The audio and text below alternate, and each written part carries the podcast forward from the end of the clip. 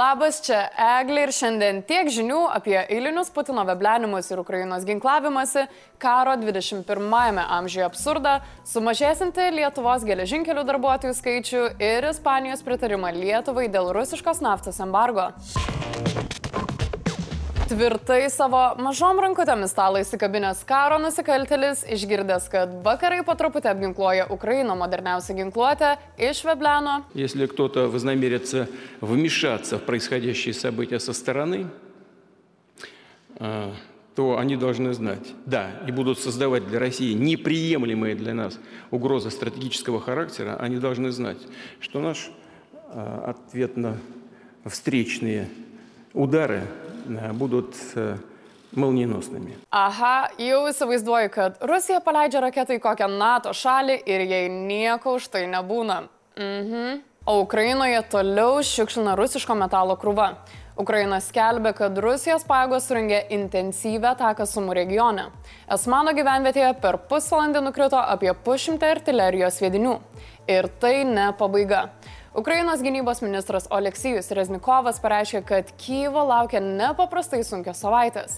Jis perspėjo dėl smarkaus naikinimo šalies rytuose, Maskva stengsi sukelti kuo daugiau skausmo ir aukų. Jau ką Rusija moka, tai naikinti gerą gyvenimą. Hersonė netoli televizijos bokšto nugriaudėjo virtinę sprogimų. Kas sprogdinimus vykdė, nežinia. Abi pusės kaltina viena kitą. Ir tai tikriausiai ne paskutinis sprogimas Hersone. Panašų garsą greitų metų gali sukelti mieste įvedama sparčiausiai krentanti valiuta. Rusijos valstybinė naujienų agentūra pranešė, kad nuo gegužės pirmos laikinai okupuotame mieste bus įvestas rublis. Teigiama, kad keturis mėnesius trunkančio pereinamojo laikotarpio metu bus galima naudoti ir Ukrainos grivinas, o po to liks tik rublis. Tik dar vienas įrodymas, kad Rusija šiukšlina Ukrainoje. Gera naujiena.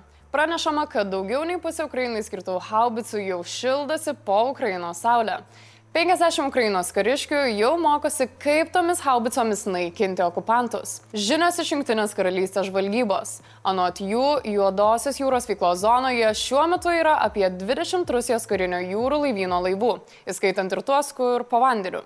Kalbu apie tikrus povandeninius laivus, o ne ką tik tokiu tapusi kreiserį Moskva. Dar gerų žinių. Europos tarybos parlamentinė asamblėja išreiškė tvirtą paramą visoms pastangoms irti įtarimus Rusijos pajėgų karo nusikaltimus Ukrainoje ir paragino įsteigti tarptautinį tribunolą. Labai tikiuosi, kad sulauksim botoksų pritvinkusios Putino makaulės teisamųjų suolę. Po hipnozės senso pas Putiną Junktinių tautų generalinis sekretorius Antonijo Gutierrešas šiandien vizituoja Kyvę. Pagrindinis vizito tikslas - išsaugoti kuo daugiau gyvybių ir užtikrinti saugius bei veikiančius humanitarinius koridorius. Gutierašas vyko į rusų pajėgų nuniokotą Borodienką. Po vizito karą jis vadino blogiu ir absurdu. Karas jokių būdų negali būti priimtinas 21-ame amžiuje. Jis paragino Rusiją bendradarbiauti su tarptautiniu baudžiamoju teismu, tyriant galimus karo nusikaltimus. Tai čia yra tas pats, kas tikėtis, kad sulaikytas teroristas padės spręsti jo padarytus nusikaltimus. Pala, čia literaliai yra tas pats, nes Rusija yra teroristinė valstybė. Gutierešas lankėsi ir Bučioje. Tai jei Putinas su Lavrovu kažką ir pribūrė sustikimo su juo metu, visi jų kerai po vizito Bučioje turėjo išgaruoti. Tiesa, panašu, kad Antonijo vizitas Ukrainoje gali užsibaigti ir darbais. Junktinės tautos paskelbė, kad jų humanitarinis biuras mobilizuoja patyrusią komandą iš viso pasaulio. Jų darbas bus koordinuoti sudėtingą civilio evakuaciją iš Mariupolio metalurgijos gamyklos. Evakuacija būtų vykdoma su Tarptautiniu Raudonojo kryžiaus komitetu. Junktinių tautų atstovė Ukrainoje šiandien sakė, kad jau rengiasi galimai evakuacijai iš apgulto Mariupolio. Belieka laukti, kad šį kartą viskas susiklostys teigiamai ir bendromis pasangomis pasauliui pavyks išspręsti šią humanitarinę katastrofą. Valstybės valdoma įmonė Lietuvos geležinkeliai pranešė, planuojanti atleisti apie 2000 darbuotojų, maždaug ketvirtadalį dirbančių. Noriu nuraminti, traukiniai nepradės ridėti be vairuotojų, o per garsiakalbius ir toliau pranešinės gražus balsas. Atleidžiami įvairaus ligmens vadovai. Kas dėl to kaltas? Aišku, kad Putinas. Dėl jo karo prieš Ukrainą pasaulis paskelbė sankcijas. O dėl sankcijų Lietuvos geležinkeliai perveš maždaug per pusę mažiau krovinių. Arba kalbant skaičiais, Palyginus su praėjusiais metais, LTG grupė gali netekti apie 150 milijonų eurų pajamų.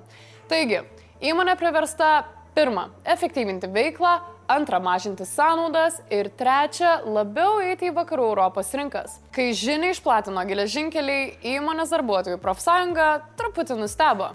Jie sakė, kad su jais buvo derintas kiek kitoks skaičius. Neva tie 2000 buvo maksimumas. Jie ketina kalbėti dėl kiekvienos pozicijos. Tiesa, geležinkeliai sako, kad nepaliks darbuotojų ant ledo. Tiksliau, nepaliks ant bėgių. Įmonė bendradarbiauja su žimtumo tarnyba, kurios specialistai konsultuos, informuos apie padėtį darbo rinkoje, laisvas darbo vietas ar padės persikvalifikuoti.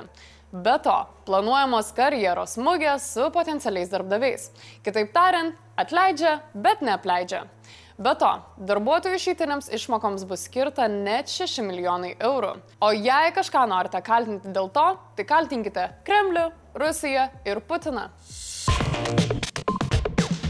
Lietuvoje vieši Ispanijos užsienio reikalų ministras Jose Manuelis Albaresas, kuris su mūsų diplomatijos vadovu Gabrieliumi Landsbergiu pakalbėjo apie du esminius klausimus - pagalbą Ukrainai ir būtinybę stiprinti regiono bei viso NATO saugumą buvo paliestas ir naujausias sankcijų Rusijai paketas. Arba kitaip tariant, naftos embargo įtraukimas arba neįtraukimas. Ispanija pritarė griežtai mūsų pozicijai. Jau keletą savaičių vyksta diskusija dėl poreikio paskelbti embargą Rusijos naftai ir dujomis. Ir čia mūsų nuomonė tiek Lietuvos, tiek Ispanijos pozicijos sutampa, kad tai turi būti padaryta. Kaip sakė Albaresas, Europa turėtų greičiau stiprinti dujotikių jungtis tarp valstybių, kad būtų galima išnaudoti suskystintų dujų tiekimo pajėgumus. Pasak jo, tai gyvendinus Ispanija suskystintomis dujomis galėtų aprūpinti beveik pusę Europos European capitals to finance Putin's war. Jis taip pat dar kartą pabrėžė Ispanijos įsipareigojimus ginti alijanso nares, įskaitant Baltijos valstybės. Kalbėdamas apie tai, Albarasas paminėjo aštuonis malonius daikčiukus pavadinimu F-18. Jie dislokuoti šiauliuose ir yra pasirengę pakilti, bei yra pasakyti, ką galvoja apie Putino begalvių kariauną. Blitz naujienos. Užsienio reikalų ministras Gabrielius Landsbergis pranešė, kad Indija planuoja Lietuvoje atidaryti ambasadą. Ministras anksčiau šią savaitę lankėsi Indijoje, naujajame Delyje. Abiejų šalių pareigūnai aptarė dvišalius santykius ir Rusijos karą Ukrainoje. Kanados parlamentas pripažino Rusijos agresiją prieš Ukrainą genocido aktais bei sistemingų ir masinių karo nusikaltimų ir nusikaltimų žmoniškumui įrodymais.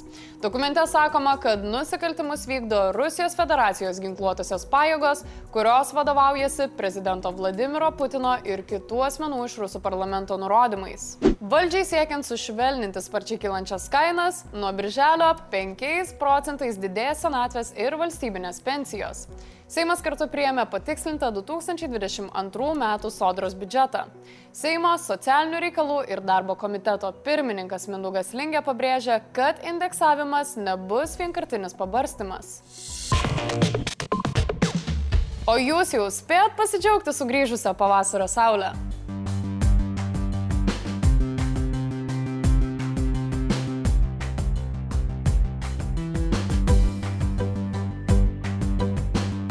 Šiandien tiek žinių, iki pasimatymo.